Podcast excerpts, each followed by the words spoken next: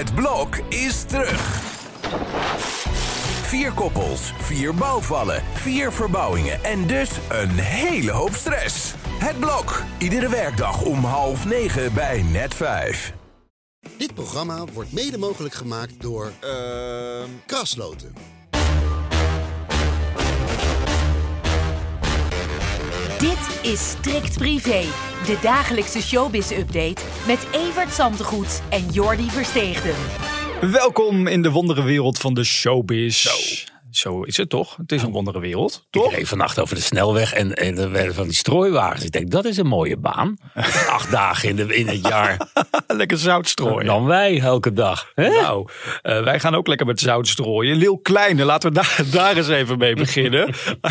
Had jij dat zien aankomen dat hij de afgelopen twee jaar gewoon in het geheim aan een documentaire heeft gewerkt? Nou, we hebben er niet veel gezien, maar de cameraman wel dus. En Ja. ja, ja ik, ik was wel door verbaasd. Ik vind het wel een leuk thema. Hij is dus opgevangen toen hij uit de cel kwam. En vanaf dat moment gevolgd met wat hij dan ook bezig was. Dus we krijgen alsnog te zien wat hij gedaan heeft. Maar eh, ja, het zijn wel die, al die zenders, die streamingsdiensten die denken van... ja, ik moet van die opvallende figuren hebben.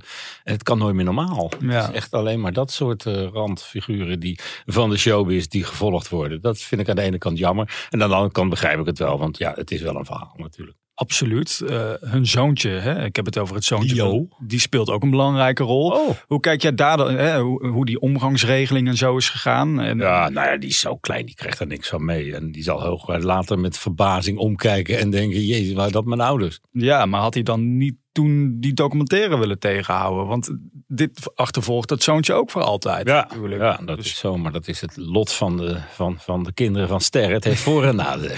ja, wat zou die hiervoor gevangen eh, hebben? Oeh, dat weet ik niet. Eh, van, van Hazes weten we dat dat behoorlijk tegenviel Ja. eigenlijk. Terwijl eh Geer en Goor met mindere avonturen en Frans Bauer toch wel echt met een vette check naar huis gaan. Ja. En ik denk, ja, dat, dat zal rond. ja, hij had ook niks op dat moment Nee. natuurlijk. Dus ik denk dat hij blij was met elke ton die er binnenkomt. Hm. En als je daar dan je hele hebben en houden voor moet laten zien, dan Hm. kun je nog een keer achter je oren krabben of je dat wel moet doen.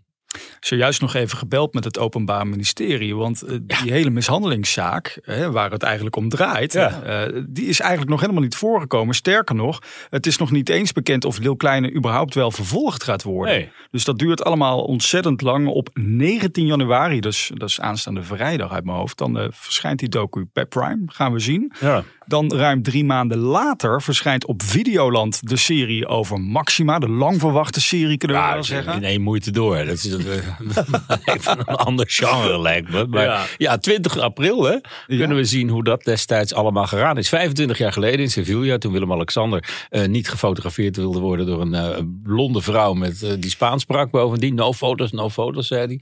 En dat bleek Maxima. Dus het is allemaal goed gekomen die avond en vooral de tijd daarna. Ja. En dat, dat zie je nu dus allemaal gebeuren. En het grappige is, want daar wil je het natuurlijk over hebben, Tuurlijk. is dat de geschiedenis zich herhaald heeft. En, en dat er bij de hoofdrolspelers ook voor elkaar gevallen zijn. Ja. Dus ja, die casting is wel top, moet ik zeggen. En het verhaal is dat ze pas na de opname van de serie, waar ze heel hecht hebben samengewerkt, een relatie hebben gekregen. Mhm. Als het goed is, zie je straks vanaf 20 april die liefde tussen die twee Ja. toch wel langzaam opbloeien. Ja, ze zeggen wel dat dat na de serie is begonnen. Maar natuurlijk is het daar op de set in de kleedkamer is er al een beetje toch? Ja, en hij is een geweldig acteur. Hè? Ja. Heel jong al in Oorlogswinter gespeeld. Later in die geweldige serie over die drugshandel, eh, die, die wietplantage in Groningen, Hollands Hoop. Ja, En, en zij is een Argentijnse actrice. ja Die, zij eh, heet eh, Chavez. ja. Die, eh, Delfina. Delfina Chavez. Die eh, ja, eh, buitengewoon een goede Maxima schijnt neer te zetten. Ik eh, ben heel benieuwd. De verwachtingen zijn hoog gespannen. Kan het dan ook niet een beetje tegenvallen uiteindelijk? Om- Nou, als je denkt dat het de Nederlandse kroon gaat worden, de, de, de, de crown gaat worden, Ja. dan denk ik dat het tegen gaat vallen. Maar met de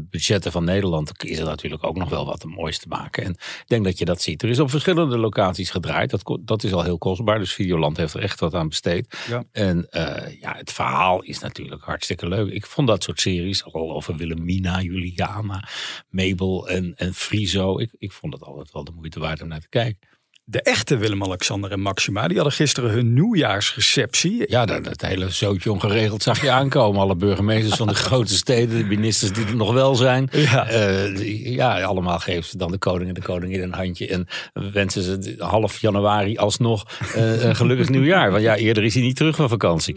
Dus eh, wie er ook was, dat vond ik wel opvallend. Aquasi. Ja, En dat is bekend terrein voor hem. Het paleis niet zo, maar de Dam wel. Want daar heeft hij soms dan opgeroepen om, om, om die, die, Zwarte Piet voor zijn kop te schoppen. Ja. En eh, ja, het is opvallend dat hij daar was. En eh, Ja. ja. het moet allemaal heel inclusief natuurlijk. En hij heeft zelfs nog met de koning staan praten. Ook over de bedreigingen die hij kreeg en zo. En verder is er natuurlijk niks over bekendgemaakt over dat gesprek. Maar hij kreeg wel de steun van de koning, eh, bleek. Die kan hij in zijn zak steken. Ja. Gaan we naar de Britse Royals, want voor mijn gevoel komt er echt iedere minuut van de dag een nieuw boek uit. Het is ja, echt als niet je te geloven. kopen Ja. elk jaar, dan komt er een paar vierkante meter bij. Ja. Eh, het is een, eh, ja, een, een, een boek met heel veel in, en, eh, inside stories. vooral over de periode na het overlijden van koningin Elisabeth. Mhm. En dat is heel erg aardig. Zij blijkt op het laatste moment, vlak voordat ze buiten Westen raakte, nog twee brieven geschreven te hebben. Oh. Die zijn terechtgekomen in de beroemde rode dozen, waar eh, alleen het, de vorst de, de sleutel van heeft. Dus die is overgedragen aan eh, Charles. Dus je kan nagaan dat dat brieven waren voor Charles. Ja.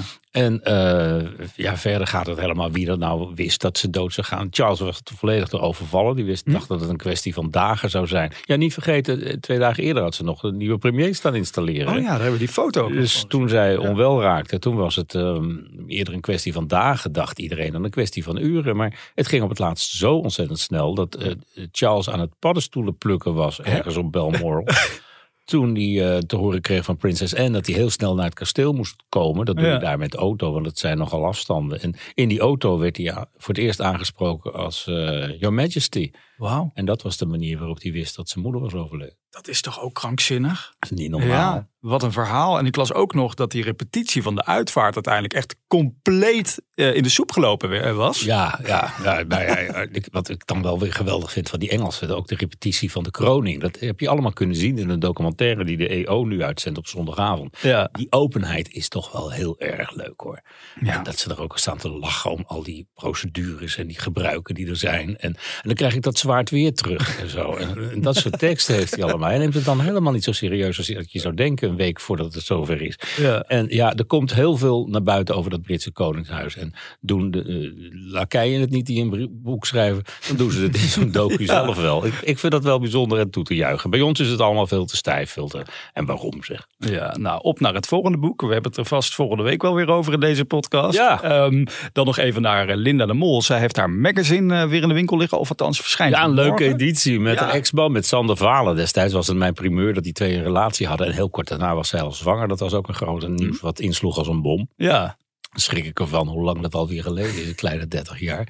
Maar eh, ja, zij waren een fantastisch stel en, en hebben leuke kinderen. Want hè, Noah kennen we inmiddels allemaal natuurlijk. Dat is eh, een dochter van eh, deze Sandervalen. ja. En Julian die heeft zijn eigen weg gevonden in de muziek. En ja, ik, ik vind het wel leuk dat je laat zien dat, het- dat je ook zo uit elkaar kan gaan en toch een goede band kan houden. En daar gaat het hele eh, themanummer van de Linda deze maand dan ook over. Heb ik nog een klein feitje, want ik meen mij in één keer te herinneren, even terug naar twee jaar geleden, toen kwam die hele voice-zaak naar buiten. Volgens mij zou toen deze editie van het blad in de winkel komen, met dus Sander Valen. Maar toen heeft Linda de Mol zoiets gehad van, ja, het is nu wel heel gek om het nu over mijn ex Sander te hebben, terwijl ik alweer een nieuwe ex Oh heb, ja. namelijk Jeroen. Dus ja, dat is wel redelijk bijgetrokken. Dus ze zou het nu inderdaad, eh, inderdaad kunnen. Wat zegt eh, Xenia daarvan? ja, die heb ik geappt, maar Ja. ik krijg nog eh, geen berichtje terug, dus we moeten dat nog maar even Oh, die afwachten. Linda is misschien ook nog niet wakker.